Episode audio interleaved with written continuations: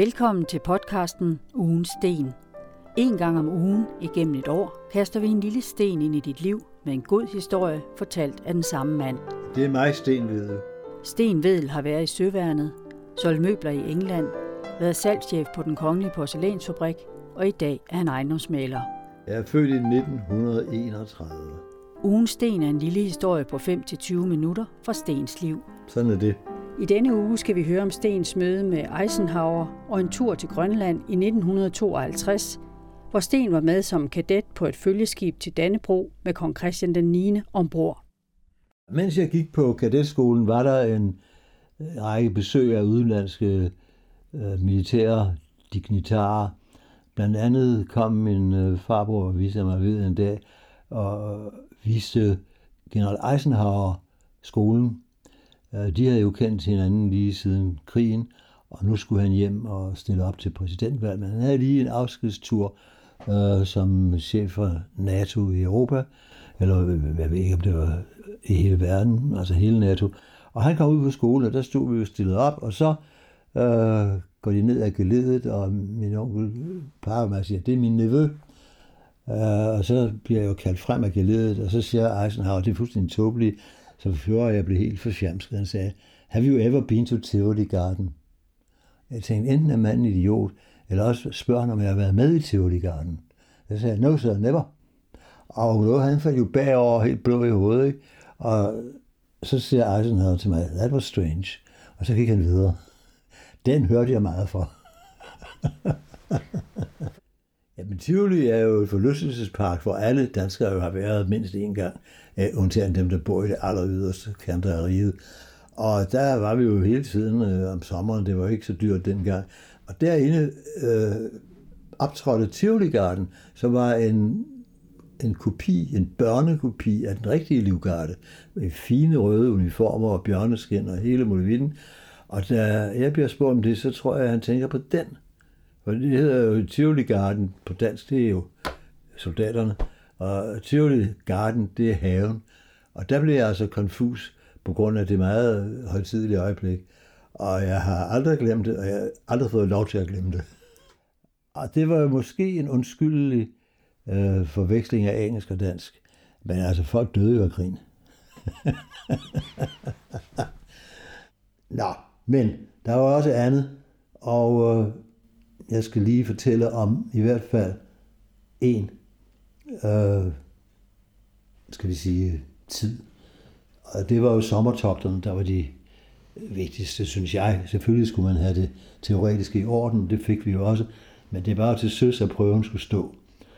Og en af de helt store oplevelser, det var i 1952, hvor Frederik den 9. havde besluttet sig til, at han ville til Grønland, og han ville sejle med Dannebro. Så spørger han jo onkel Åge, kan vi det? Eller kan jeg det?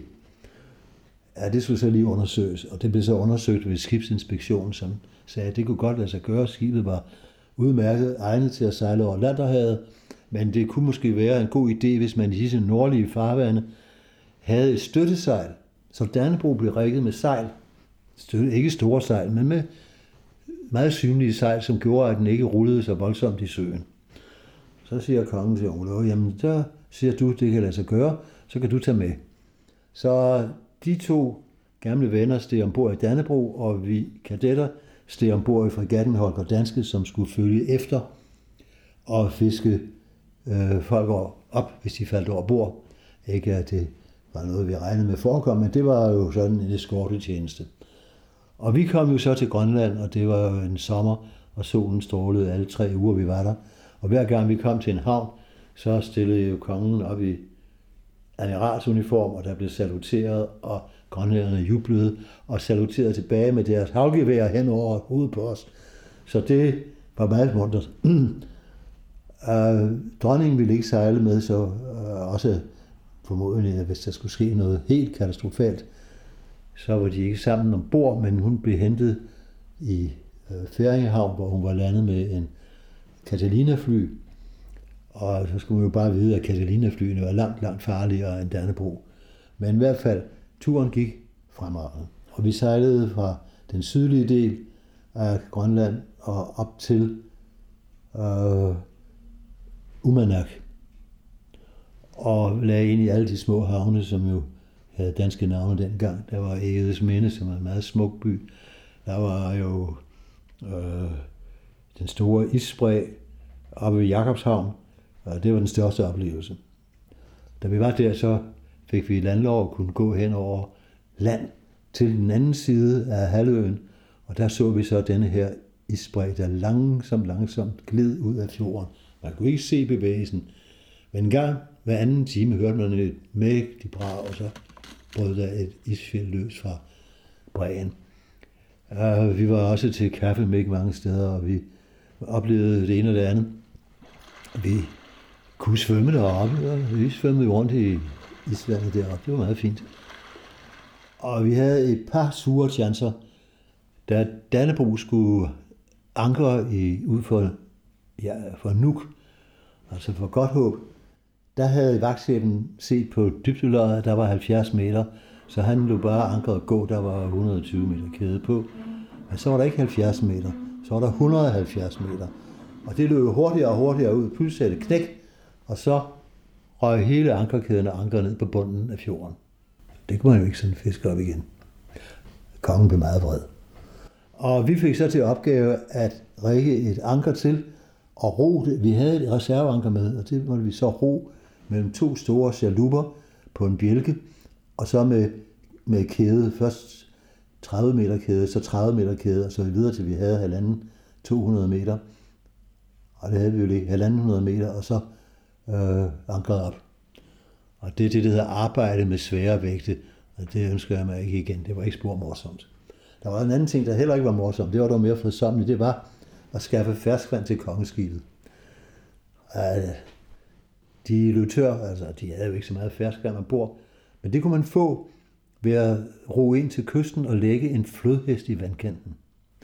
En flodhest er et stort sejldussæk, hvor det osmotiske tryk gør, at saltvandet ikke kommer ind, og ferskvandet ikke kommer ud. Så man skal bare hælde ferskvand på flodhesten, og da ferskvand er lettere end saltvand, så kan man slæbe den efter sig. Så vi slæbte den ene flodhest efter den anden ud til kongeskibet, og synes altså, at de to rigelig mange bade der bor. Men øh, altså, vi fik det gjort på en dag. Og der var mange andre sjove ting på den grønlandstur. Og stedet var vidunderligt smukt. Og jeg glemmer det aldrig, jeg har også været der tre gange senere i anden anledning. Så det var det, jeg ville fortælle om serviceskolen, bortset fra den sidste historie, som jeg tror, vi lige kan få plads til. Da vi skulle til Grønland, lå vi lige to døgn på Holmen, tre døgn på Holmen for at proviantere og fylde olie og sådan noget vand. Og den ene af de dage var en lørdag, og så sagde chefen, skolechefen, og også derved skoleskibschefen, øh, Sehusen, i kan godt lave et lille band på agterdækket, hvis I kan skaffe nogle damer. Og det er ikke sådan, vi var lige kommet fra Middelhavet og havde tre dage i København, og vi var ikke alle sammen forlovet, og gift måtte man jo ikke være som kadet. Så min gode ven, kadet Tørsløv og jeg, vi marcherede ned til Ingrid Jespersens pigeskole i Nordre Frihavnsgade, og gik ind til rektor Gad og sagde, at vi er 30 stakkels, 40 stakkels kadetter, og vi har fået lov at holde et lille party med, ikke ret meget spiritus, men med lidt musik på agterdækket og lidt flag over toppen og sådan. Og øh, der er mange piger på skolen, og der er nogle af dem, der kunne tænke sig at komme med. Grinede han jo godt og sagde, ja, nu tror jeg, vi skal gå ind og spørge 2G.